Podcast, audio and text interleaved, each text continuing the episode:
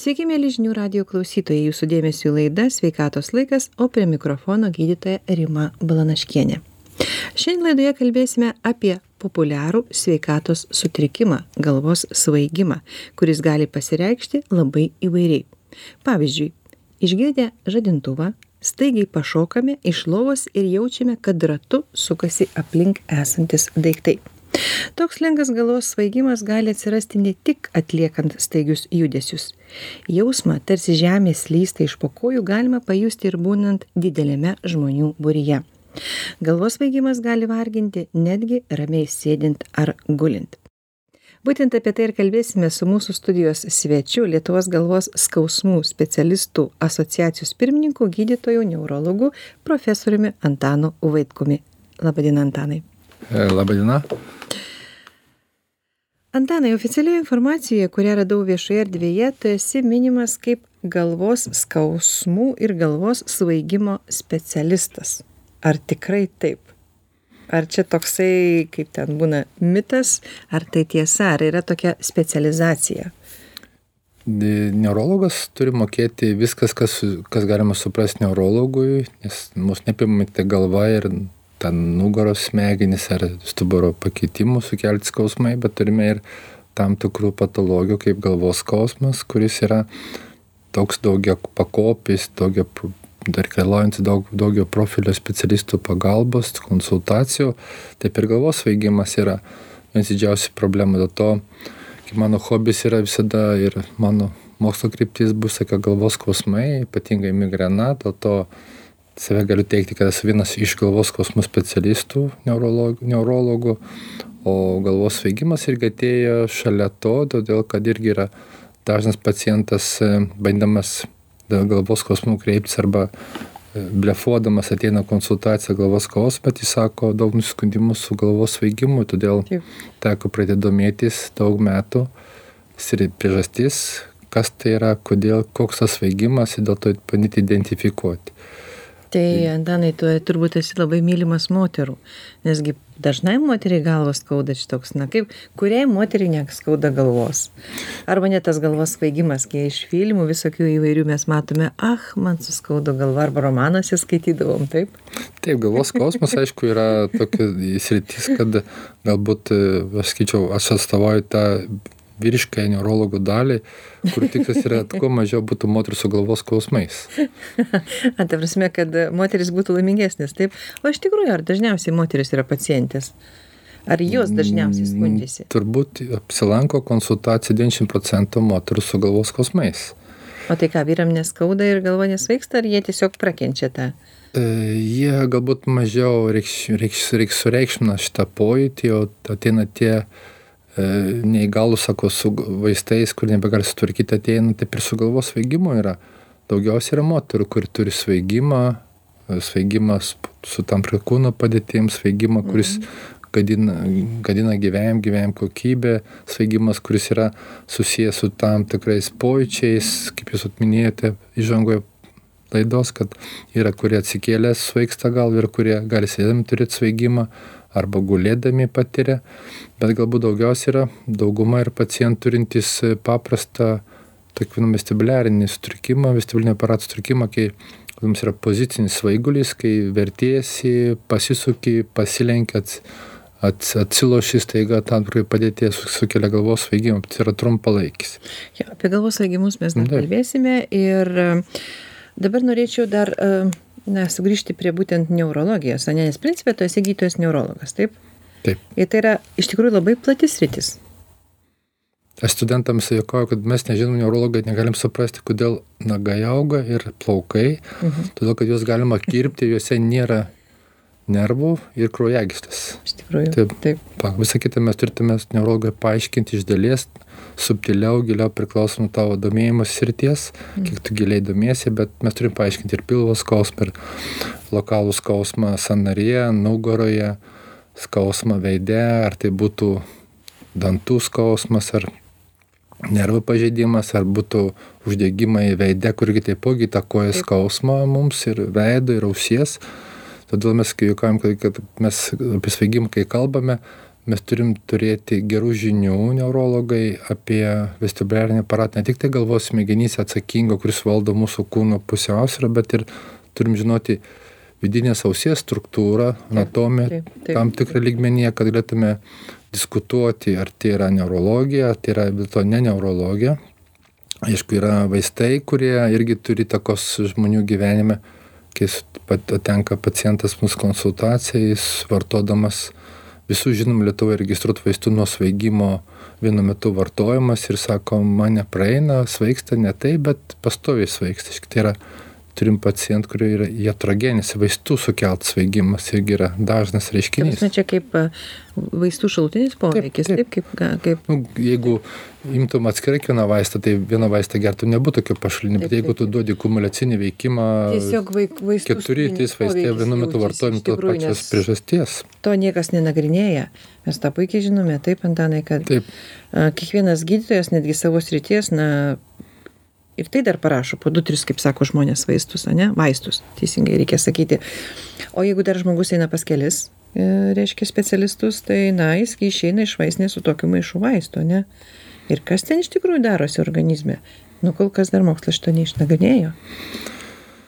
Su svaigimu tai galbūt jeigu būtų paimti izoliuotai tai viskas aišku bet jeigu svaigimą pridengia vaistų vartojimas e, vaistų svaigimas gali būti sukeltas e, pakitimų amžinių, kurie taipogi keičia kraujagyslių adaptaciją prie kintančios kūno padėties, kai reikia keičiant kūno padėtį staigiai pakelt kraujo spaudimą, nesuveikia ta signalinė sistema.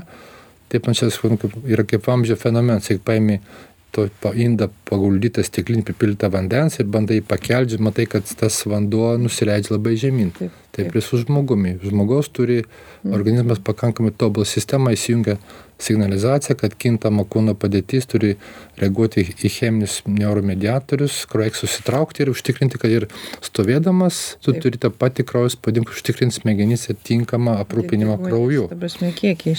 O amžius dėja Mm. Turi irgi takos smarkiai. Tie mes... vamžiai, kaip sako, taip, nebe taip, tokie. Taip, tai vamžiai fenomenas. nebe tokie lastingi jau yra. Dėja, taip. E, labai, ta prasme, tikrai mokiai, ta prasme, ir populiariai aiškini viską, nes e, matosi, kad dirbi su studentais. Tai studentams reikia tikrai daug tą ir suprasti ir žinoti. Ir aš norėčiau nuo pačių pradžios paklausti, sakyk, prašau, kodėl kažkada tu pasirinkai šitą specialybę? Būtent neurologo specialybė, nes galimybių tai buvo daug įvairių, kai baigė mane medicinos universitetą. Tada dar turbūt buvo, nežinau, institutas, kaip pats baigė, ne?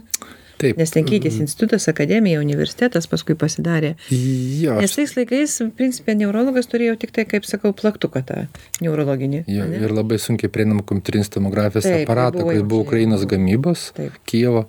Taip, pasirinkau turbūt e, ne savo sprendimu, bet mane įtikino mano uošvis. Jis yra anatomas, labiausiai domis neuroanatomija. Jis įtikino, kad labai čia įdomis rytis galima nors iš savo pusės mokytojai, kurie mokino neurologiją, nesuteikė tokio optimizmo, kad neurologija yra geras, nu, įdomi specialybė, to kad buvo toks dėstymas tik tam tikras, nu, akademinis, neskatintis mąstymo. O mano šis, kuris mane įtakojo, sako, kad tai įdomi specialybė, kuri tikrai verčia daug mąstyti, kaip kriminalistui atsekti ligos pradžių pradžią iš apklausos kur, būdų, taip, tai yra atėjo, sudėti tą lego dėlionę. Taip. Mhm. Tai dėl to aš pasirinkau taip, aš turbūt nežinau, ar būčiau gydytoja net iš viso neurologų, nes gydytoja net, mhm. nes norėjau sportuoti labai, bet paskiau. Ta prasme. Tai iš vis nenorėjai, ta prasme, medicinos. Medicinos, ne. ne. Ne? ne. O tai, tai leisk paklausti, tai uošvis tavo, nu kokio amžiaus? Dabar 80. Ne, bet, ta, ta prasme, kada jau jis tapo uošviu, kai jis jau palenkė ir mediciną, ar ne?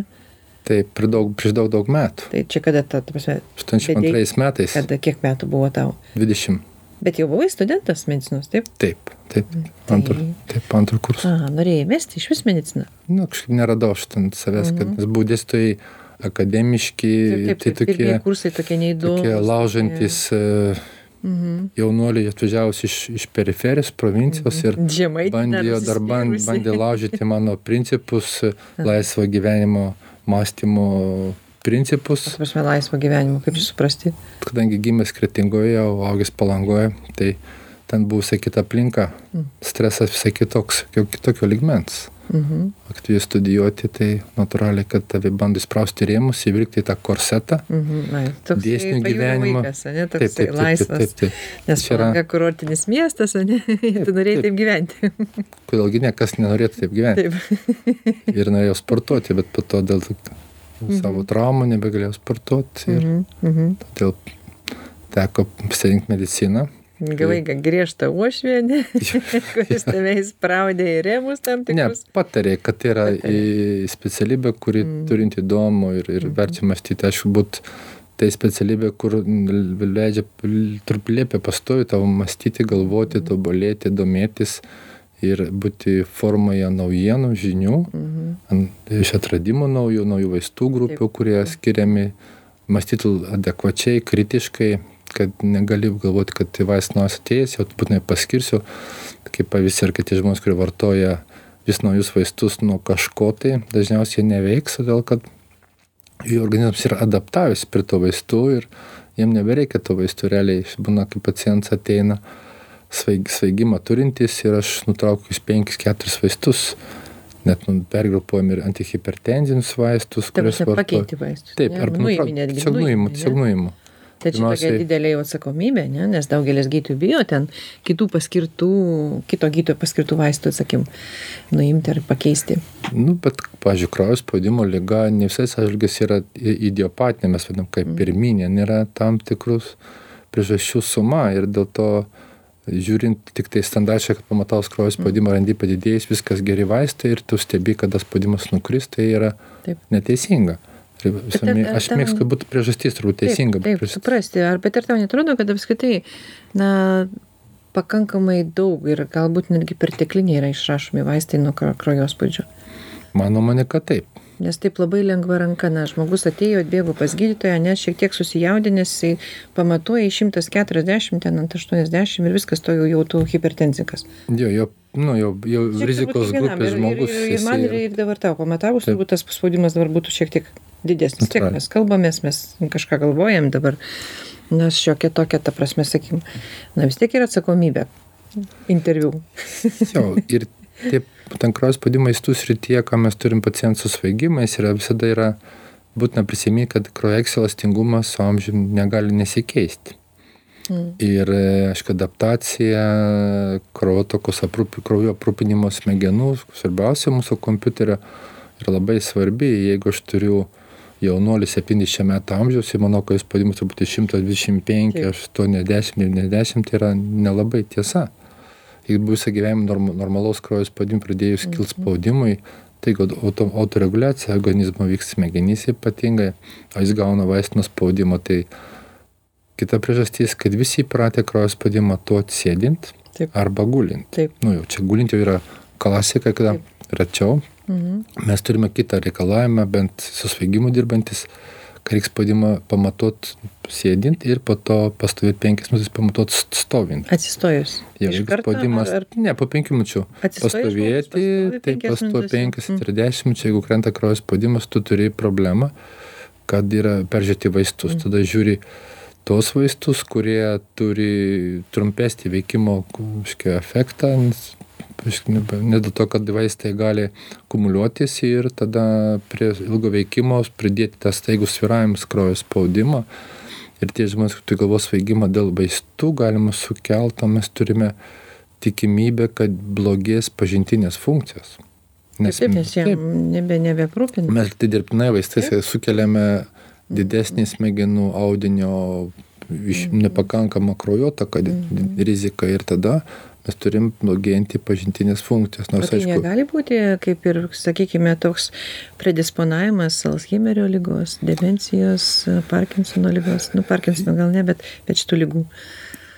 Taip, tas, aišku, tas, tas kad įprastų, nepakankamas jo. aprūpinimas būtent dėl perteklinio vaistų vartojimo. Turbūt, kad įprastiniai populiacijai Alzheimer lyga įprasta mes turim tam tikrą amžiaus grupę ir nors aš manau, kad Alzheimerio liga tai yra genetiškai nulemta ir taškas, bet yra kitų nuomonių, mm. kad rizikos veiksniai paskatina, bet galbūt rizikos veiksniai yra, jie tik tai pastumėja prasidėti procesam tam tikras, nes yra patologinė melodijų atsiradimas, atsidėjimas ir tikdantis smegenų normalią funkciją, ypatingai žievės, susijęs yra su tam amžiaus grupėmis. Ir dažniausiai yra retai, būna žmonių, kurie turi ten 35 metų, 40 metų, mm -hmm. tokį Alzheimerio tipo jo pažintinių funkcijų pažeidimą, kuris nustebina būna, bet tai nėra dažni žmonės. O tie, kurie turi normalų amžių, 60-70 metų, jų kraujagys, aišku, turi būti keičiasi. Dėl to labai svarbu, kad ne, nes rizikos veiksnys e, sukelt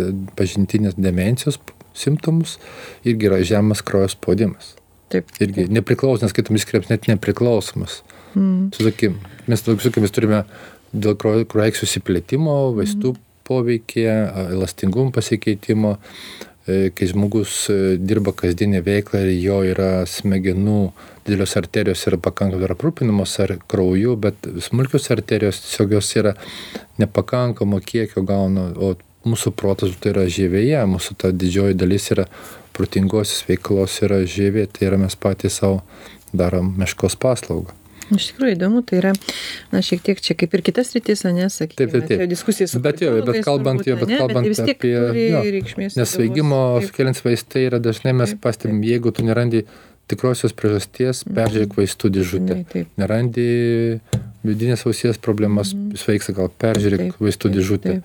Nerandi galvos tyrimuose, kroeksiškai mm. tikrų rimtų pakitimų, peržiūrėk vaistus vartojimus pacientą. Ir perklausk maisto papildus, nes yra mm -hmm. būtent kom, kompanijų vaistai reklamuojami vaistinėse, mes turime sveikatos laidose, mm -hmm. pacientai išgirdę bando prisidėti prie vaistų, kurie receptiniai vaistai, maisto produktai, papildai, bet Mm. gali duoti irgi kumulacinį efektą. Tai, o gydytojai net, net nesako pats, nes jų nematysime sveikatos kortelę elektroninė, mm. kad jiems šitas tas vaistas, kuris yra maisto papildas, bet turins poveikį kraujagyslių diametrą. Mm.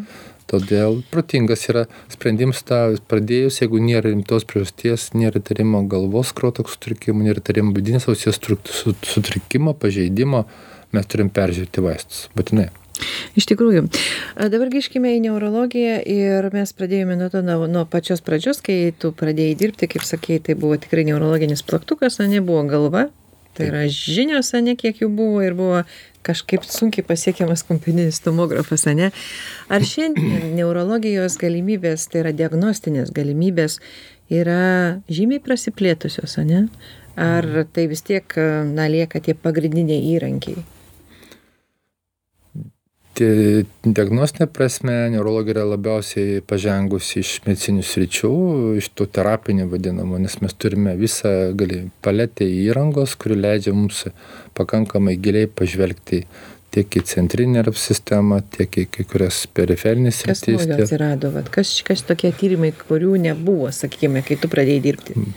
Tai kalbant apie galvos, galvos smegenų magnetinio tomografinį tyrimą, tai buvo tik tai žinoma žinia, kad už Atlanto tokį tyrimą tai atliekame ir taip, tai tokia, taip. taip, kai turime tam tikras e, biologinius žymenys, galim ištirti imunologinius tyrimus iš kraujo, iš smegenų skyšio, tai buvo irgi tik tai spaudoje skaitydavai ir... ir jis reikalinga kam nustatyti? Tam tikrom lygom, pavyzdžiui, kai mes kalbame mhm. apie smegenų pažeidimus esant e, autoimunėms lygoms, onkologijos lygos, kurios sukelia antikūnių gamybą jo produkuoja, mes turim smegenų pažeidimą, bet mes dar nematom to onkologijos sirgimų. Tokių situacijų turim ir mes galim pagauti labai ankstyvoje stadijoje, tirdami onkologinius žymenis, e, kurie gali susitė su neurologinė pažaida ir mes turime anksti nustatome priežastis.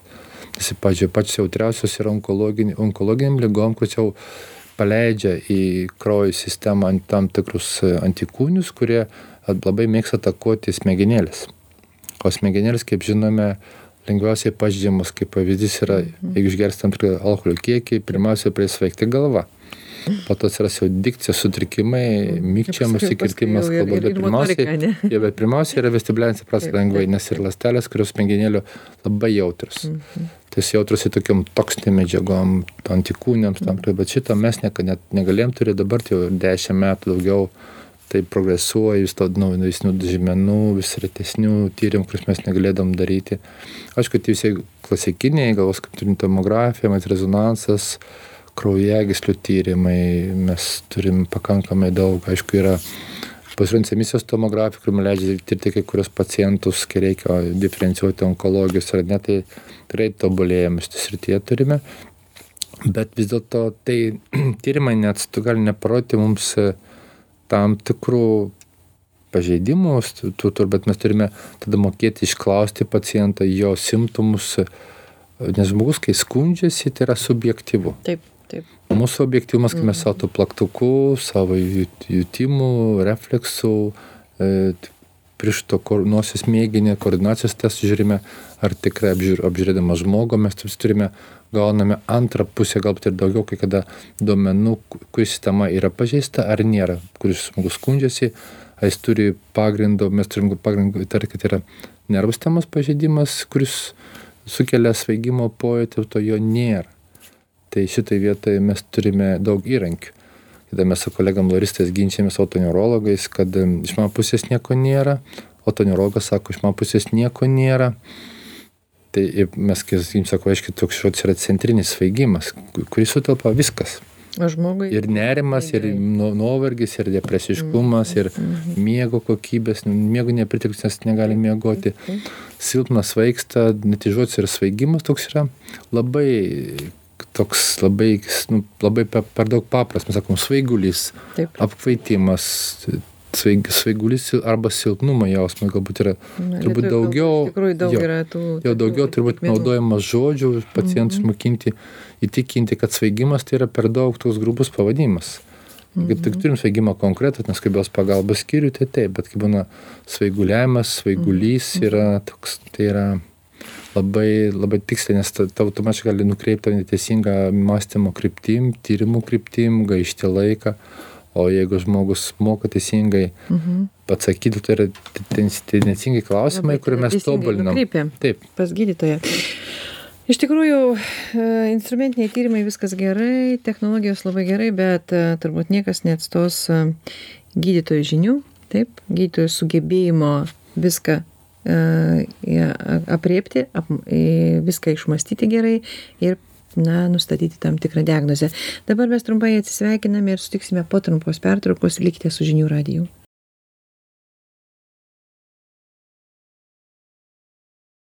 Grįžtame į studiją tęsiame laidą ir šiandien diskutuojame apie neurologiją galvos svaigimą ir jo priežastis. Primenu kad mūsų studijoje svečiuojasi lietuvos galvos skausmų specialistų asociacijos pirmininkas gydytojas neurologas profesorius antanas vaitkus.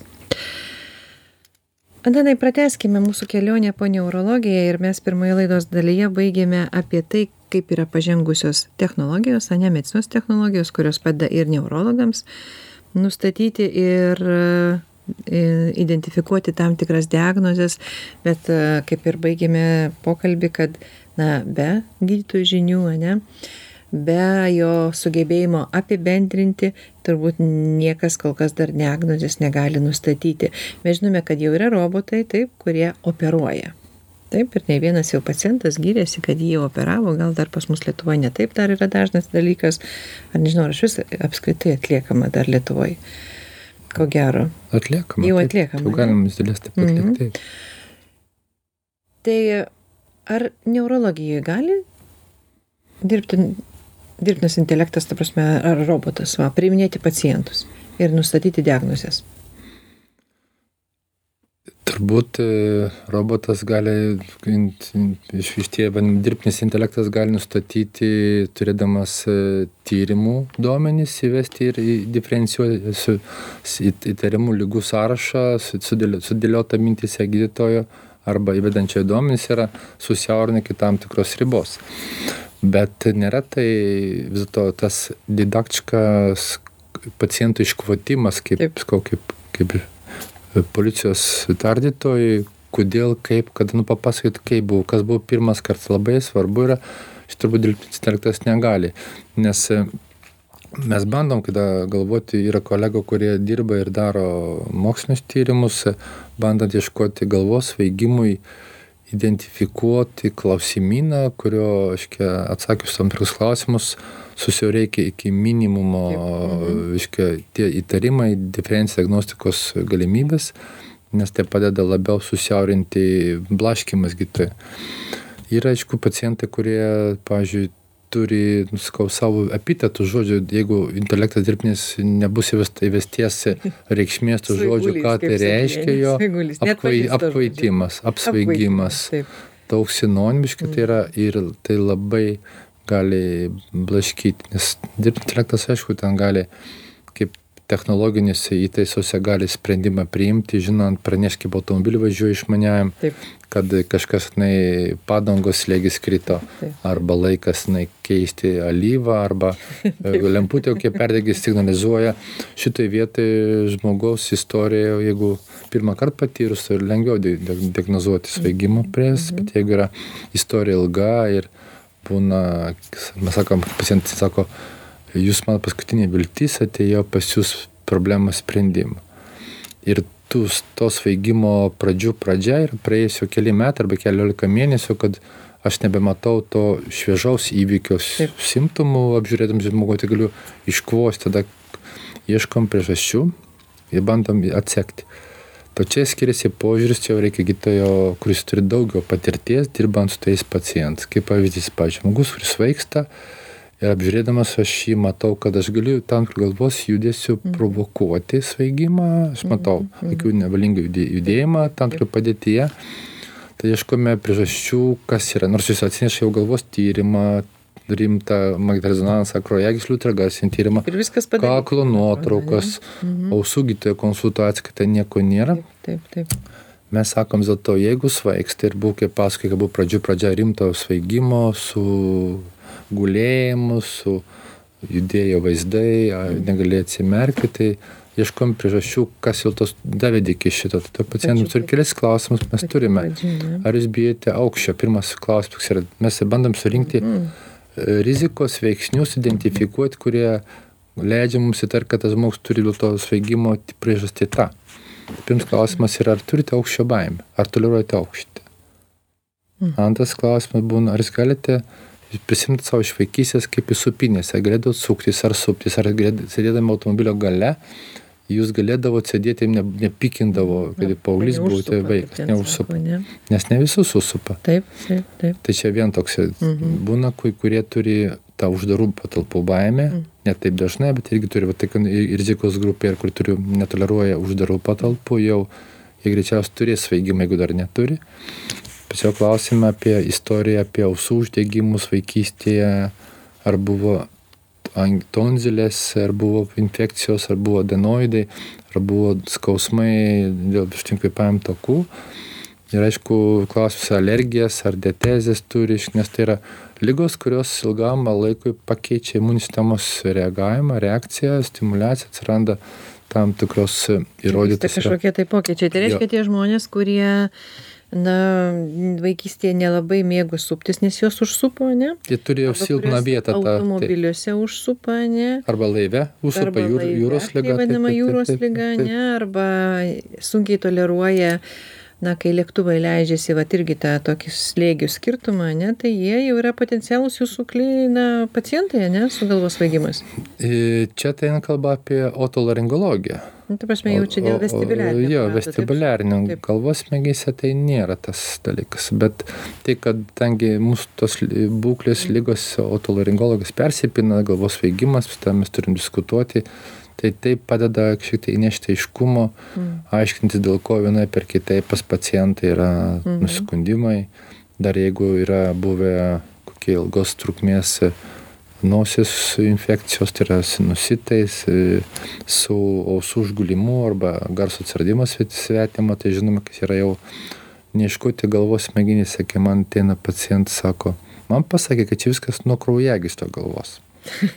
Kaip ir aišku. Sakau, sakau, aš sutinku su visko, jeigu bus įrodymų, aš sutinku. Jeigu, sakau, rytoj žaibos, aš, jeigu rodys man, kad aš matau vakaruose, kad po 24 valandas žaibos, aiškiai aš sutinku, bet tik aš nematau, man reikia įrodymų. Nes mhm. teiginys yra, kaip ir man būna teiginiai, nieko neverti, jeigu aš negaliu įrodyti Taip. logiškai arba didaktiškai. Bet žmonės, e, kuriems ypatingai pirmą kartą ištinka tie galvos svaigimai, juosgi labai išgazdina taip labai nes automatiškai taip mhm. sutrikdo tau darbingumą nesaugumo jausmas yra po to jau jeigu dar neatsistato tas vaigis vestibuliarinis sutrikimas yra arba nepakankamai efektyvūs vaistai, mhm.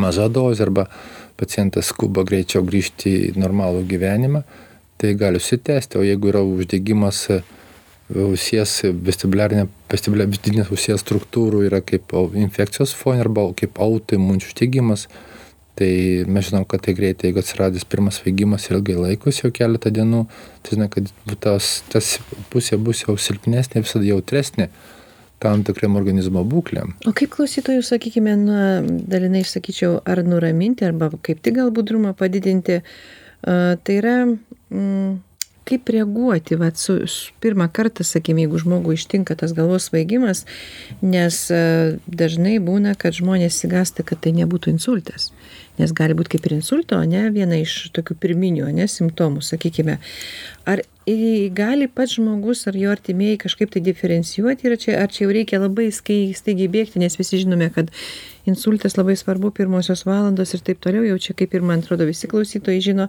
ar tai yra va tas galvos svaigimas kuris gal tęsis metų metais ir ir ir taip toliau. Kai kaip čia ar galima diferencijuoti?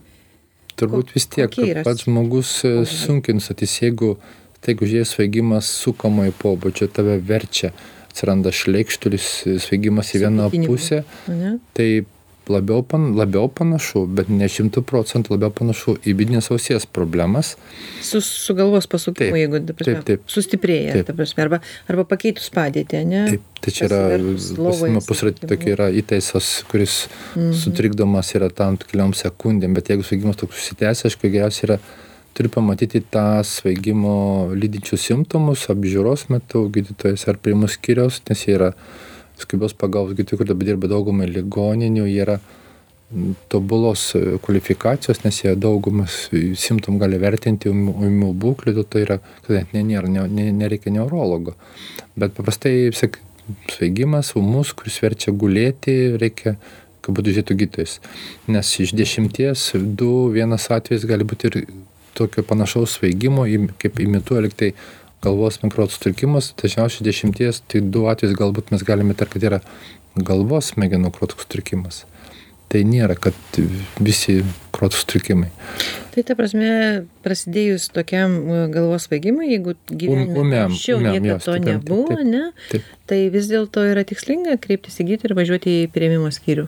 Taip, jeigu toks svaigimas yra, kad tu guli paslikas ir negali nieko pasijudinti, nes pykinimas, tad natūraliai, kad turės būti įvertinimas, nes irgi, kaip jūs sakėte, irgi jeigu nedaug dievė, kad yra galvos smegenų sutrikimo pradžių pradžia, tai nevertimas tokio paciento gali kainuoti toliau praeisuo simptomai, praeisuo kainuos kitą ligą, kaip mūsų galvos smegenų krotų sutrikimą. Paskau tai nėra absoliutinti, kad visi žmonės įsigalinę, kurie pasveiks galva, važiuos į priėmimo skyrių, jeigu tai yra pasikartojantis svaigimas, yra konsultuotas anksčiau ir po kelių metų vėl atsikartoja panašus, tai žinai, tikimybė, kad vėl tos pačios problemos sukeltas yra gali svaigimas. ir užsislėpti, ne? Tai nereiškia, kad galvos svaigimas buvo prieš kiek tai metų ir kad tau negali būti insulto, ne? Taip, bet, ko, bet yra, nėra retas dalykas, kai esate girdėję, ir žmonės girdėjo apie tos otokristalus arba otolitus, tai yra, kurie tai yra sekundinis keliolikos mhm. sekundžių, keletos sekundžių svaiguliavimas priklausomas nuo padėties, kai vertiesi lovoje arba iš, iš, iš panakties atsikeli, kai atsisėdi lovoje, staigiai susvaigsta, bet yra ramiai pabūni ir keletą sekundžių arba vakare atsigulantis nusėdi paties atsiguls jis susveiks arba naktį verties lovoj prabundi nuo svaigimo. Tai yra mhm. tipiškiausi požymiai nurodant kad tai yra gerybinis svaigimas sukeltas tų otokristalų vadinamų kur tie tie tokie kristalai mūsų brangūs yra ir kodėl jie staiga va ten kažkas atsitinka tiem kristalam kad mums svaigsta jo jie yra mūsų vestibuliarinio aparato struktūroje kaip aš manau kaip būtų kaip prie, ne, buvo prie ežero augantis meldai su virš tokiais bumbuliukais, Taip. kurie dėl tam tikrų priežasčių jie atitrūksta ir jie e, judesių metu, kai pacientas daro judesi tam tikrą padėtį, jie pradeda judėti vamsdelė, tai pasratiniai kanalai. Tai čia vidiniai ausijo. Vidiniai ausijo ir įstrigimas sukelia keletą sekundžių susvaiguliavimą.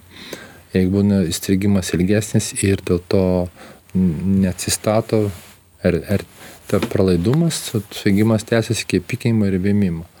Dėl to neretai prie muskiurėje, sako stebuklingas gydymetas, loristai padaro tokie halpikė mėginį, palenkus, pasukus, pasukus gal palenks vieną pusę, kitą pusę ir taip atsistato įsteigia autokristalą. Prasme, pacientą palenkus į priekį? Ne, ne pasukus galvą į šoną, uh -huh. pasukama į, į vieną pusę į palenk palenkam į paskui kitą pusę ir žiūrime verčiam ant šono žiūrime atsistato ar ne. Mhm. tik apžiūros metu mes matome jeigu skubus svaigimas yra ūmus mes matome akių judesius nevalingus tam tikrus į tam tikrą kryptis ir mhm. nistagmas nistagmas vadinamas mes galim labai jau didaktiškai labai teisingai pasakyti anatominę vietą, kur yra sutrikimas ir tai yra, ar čia labai, labai taip, kad būtų pištūdinis tagmas, galim pasakyti, kad tai yra, tai galim, galim padaryti, kad būtų krojeksis lyga, ar vis dėlto tai yra paprastesnės vidinės ausies. Kristaliukai tie pajudėjo, taip, taip. ne? Tai uh, gerai, jie pajudėjo, jie kažkur tai, ta prasme, nuberėjo ten vidinėje ausyje į tam tikras, sakykime, anatominės struktūras. Uh, o ką jie paskui išnyksta? Ta prasme, Ne, ne. Kodėl žmogui praeina tas galvos svaigimas, va netgi nuo galvos pasukimo, kaip jūs sakote, ne, stebuklingo. Taip, nu, vat, vėlgi, vėlgi toks teoriškai, nes tu, sakėt, tu otokristalo, žinant, aišku, iš, iš tyrimų, iš mokslinio tyrimų, uh, bet e, paprastai rutiniškai žmogui, kad įrodyti autokristalų egzistavimą, jų įstrigimą, mm. reikia labai drastiškų priemonių imtis, kad kontrastuoti tą pusratinį kanalą, mm.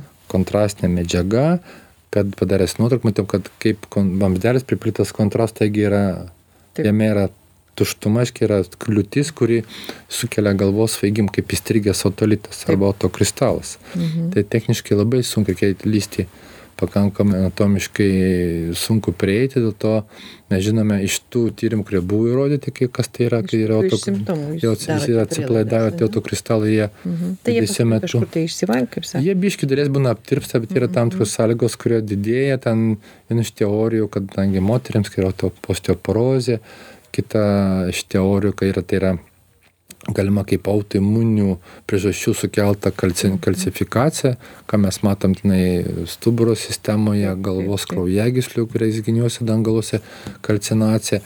Kita manom, kad čia skiliokės funkcijos sutrikimai, kuriegi mm. prie skilio kalcio atsidėjimas į tam tikras vietas, tai nemaža dalis greičiausiai turi takos, kad į tų otokristalų svoris darosi didesnis, jie gali sukelt judesių svaigimus, bet sunku įrodyti, nes čia yra problemas.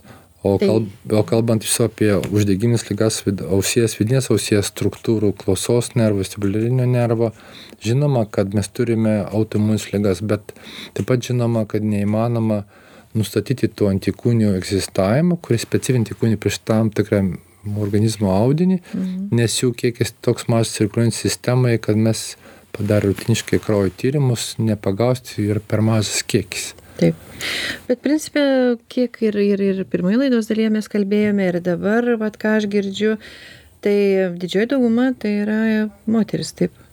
Ir turbūt statistiškai, kiek, kiek skundžiasi galvos svaigimu, mes dabar jau į galvos svaigimą daugiau akcentuojamės, ne į skausmus galvos, bet į svaigimą moterių ir vyrų santykis vienas prie trijų santykis. Moteris kartus, tai žinau. Bet žinot, irgi čia yra, tie tradiciškai yra e, epidemiologiniai tyrimai, populiaciniai taip, tyrimai, kad taip, taip, nu, taip. E, tyrėjai naršo korteles, duomenys, mhm. elektroninės sveikatos sistemos žiūri duomenys lankėmės.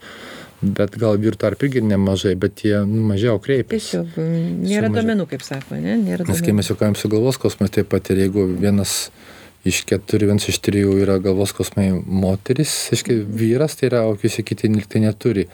Bet anatomiškai ir neurochemiškai turėti ir vyrai turėti galvos skausmų daugiau negu žinoma yra šiai dienai populiaciniuose tyrimuose. Amžius, ko, kokio tai amžiaus? Galvos skausmo ar? Svaigimas. Galvos svaigimas yra, vėlgi, 18-20 metų amžius yra populiariausia ir dažniausiai tų paprastųjų ūmių svaigimų. Vėliau atsiranda tikimybė atsirasti tai kombinuotų svaigimų. Pirminiai tai čia yra dėl to tų kristalų? Tai... Vienas iš kristalų uždegimo ausies. Mhm. virusiniai uždegimai, pažiūrėjau, paelinio sinuso. Mm, tai čia tokia kaip autoimunė. Aut, jau gaunasi automatiškai autoimuninis mm. mechanizmas, nes kai turi slogą, sinus susipildo skauda, šnipšti, dažniausiai atsiranda infekcijos sinusuose arba nosies ertmėje. Mm. Tai atsiranda anterinis bakterinis uždegimas, kuris turi takos ir sukelt, turi sutrikdyti vieną kitos pusės vestibuliarinę aparato normalią veiklą. Dėl to mes turime jau ir uždegiminį antrą dalį, nes dalis pacientas sako, kad užgulia ausis ir zvimbia, cypia, taip, taip, taip, taip. kaip panašiai kaip lėktuvo leidžiant ar kylant būna užgul arba mm -hmm. giliai panėrus. Tai tai tokiu infekcijos metu mes galim turėti uždegimą kuris taipogi savo ruožtu įtakoja ir audinių aplinkinį autoimuninį uždegimą. Ko pasekoj mes turim sutrikdytą vestibuliarinio aparato būtent simetrišką veiklą. O vyresniam amžiuje po 40 metų? Po 40 metų taipogi yra, 40 metų net, dar net tas amžius. Mm. Dar Nes kadangi kalbu apie moteris, jos yra po 40 metų amžiuje, tai yra mm -hmm. pradžia antro pasitimo periodo nuo 40 iki 65 metų. Mm -hmm. Tai joms ir visos idėjos įdomios ir jos žydinčios. Yra diagnozė pasitimas. Nu, hormonų piko pasiekimas. Mhm. Taip, pats pasitimas. Pats pasitimas nuo Taip, 40 iki 55 metų, manau. Taip. Vyra, ne, vyra nežinia, nes jie pasislėpia visada. Aha. Vyrų niekas netyra, neįdomus vyrai. Taip. Nu, gal jau dabar pradėjau tirti, ne? Galbūt tiria aš negaliu pasakyti bet pagal pagal tai kiek vyrai mažai vyrų besikreipiančių galvos svaigimų mhm. E, iš anamnės arba ten pirmų skyriuj tai nebent būna kurie atvažiuoja po penktadienio naktinio klubo po gero vakarėlio ar mhm. šeštadienį tai dažnai pacientai guli pirmų skyriuj kurie svaigsta pykina vemia jie dažniausiai nekrotų sutrikimai, tai ir būna vidinės ausies uždegimo reakcija arba po intoksikacijos, intoksikacijos maistų, rūkšties, refluxo, mhm. nes atskira dalis dar, kai mes didaktiškai bandom atsekti sveigimo priežastis, tai yra mes klausinėjom apie virškimo sistemos taip, sveikatą. Kokia tai yra? Tai yra susiję, reiškia, ne? Taip, refluksas bakterija, gali irgi, gali irgi išprovokuoti svaigimą? Taip, su, sukelti uždegimą, autoimunį uždegimą. Autoimunį autoimun uždegimą. Taip, taip, taip. Gerai, grįžkime prie tų moterų, kaip sakai, antram pasitimo periode po 40 metų, tai joms padažnėja galvos svaigimai ir jau priežastys šituo atveju irgi tokios pat ar jau ne ar daugiau kraujagyslinio pobūdžio ar ar jau čia kristalai? Ne ne ne kraujagyslinis tas apie tas kraujagysles dėkim į šoną tai dėkime. Kad mhm. būtų galvos svaigimas susijęs su galvos smegenų kraujotaka sutrikimu tai yra tokiam amžiuj labai retas dalykas ir nes smegenys taip sutvertos, kad gali sutrikti kraujotaką didžiosiuose smegenyse mūsų pusrutuliuose, taip. ten, kur dažniausiai vyksta insultai, mm. bet užpakalinė galvos smegenų dalė taip vadinamoji, e, kur sen, pat seniausia mūsų kraujo kraujotakos sistema, kolate, kolateralinė, anatomiškai yra tobula. Taip, tai jeigu paimti iš ten iš šimtų insultų, mes sakom, galbūt yra 10-15 tik atveju, kad būtų insultas toj užpakalinėj galvos smegenų dalyje. Mhm. Būtent ta dalis yra ir atsakinga aprūpinti vestibuliarinę aparato, maitinti vidinę ausį, inervaciją, tiekti adekvačiai kraujotaką. Dėl to vietoje yra labai reti insultai arba kraujo sutrikimai. Mm, tai po pasienyje buvo, prieš 30 metų buvo populiariai prašyti viskas į galvos smegenų mikroinsultas, kai jis pasveikdavo galva, taip, taip, buvo ženkliai mažiau kalbama apie tą vestibuliarinį aparatą, bet aišku, taip, taip otolaringologų pagalba, technologiniai sprendimai, vaizdinė tyrimai leido pažvelgti arčiau ir suprasti, kad padaryti perversmą, kad turbūt 80 procentų sveigulių numesta nuo galvos smegenų krotokos nepakankamumo sutrikimo savokus.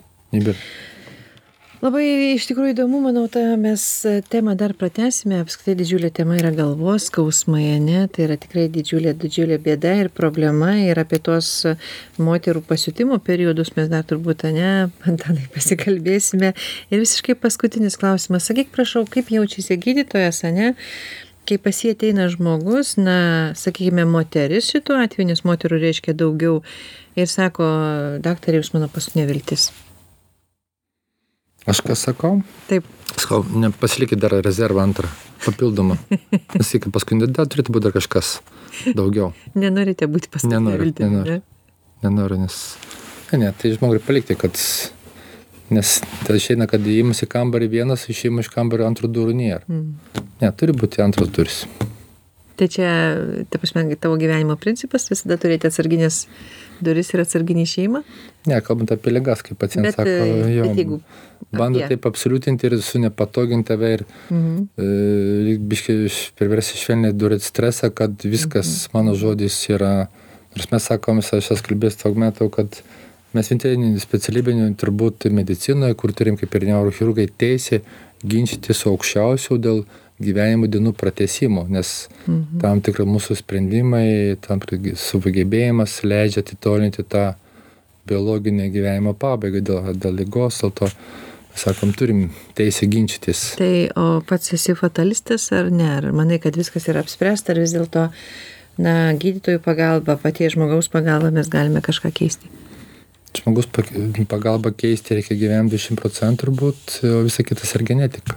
Viskas genas. Na o kurie tiki likimu ar dar kažkokiom Tai gerai, aukštesnėm jėgom? Reikia tikėti.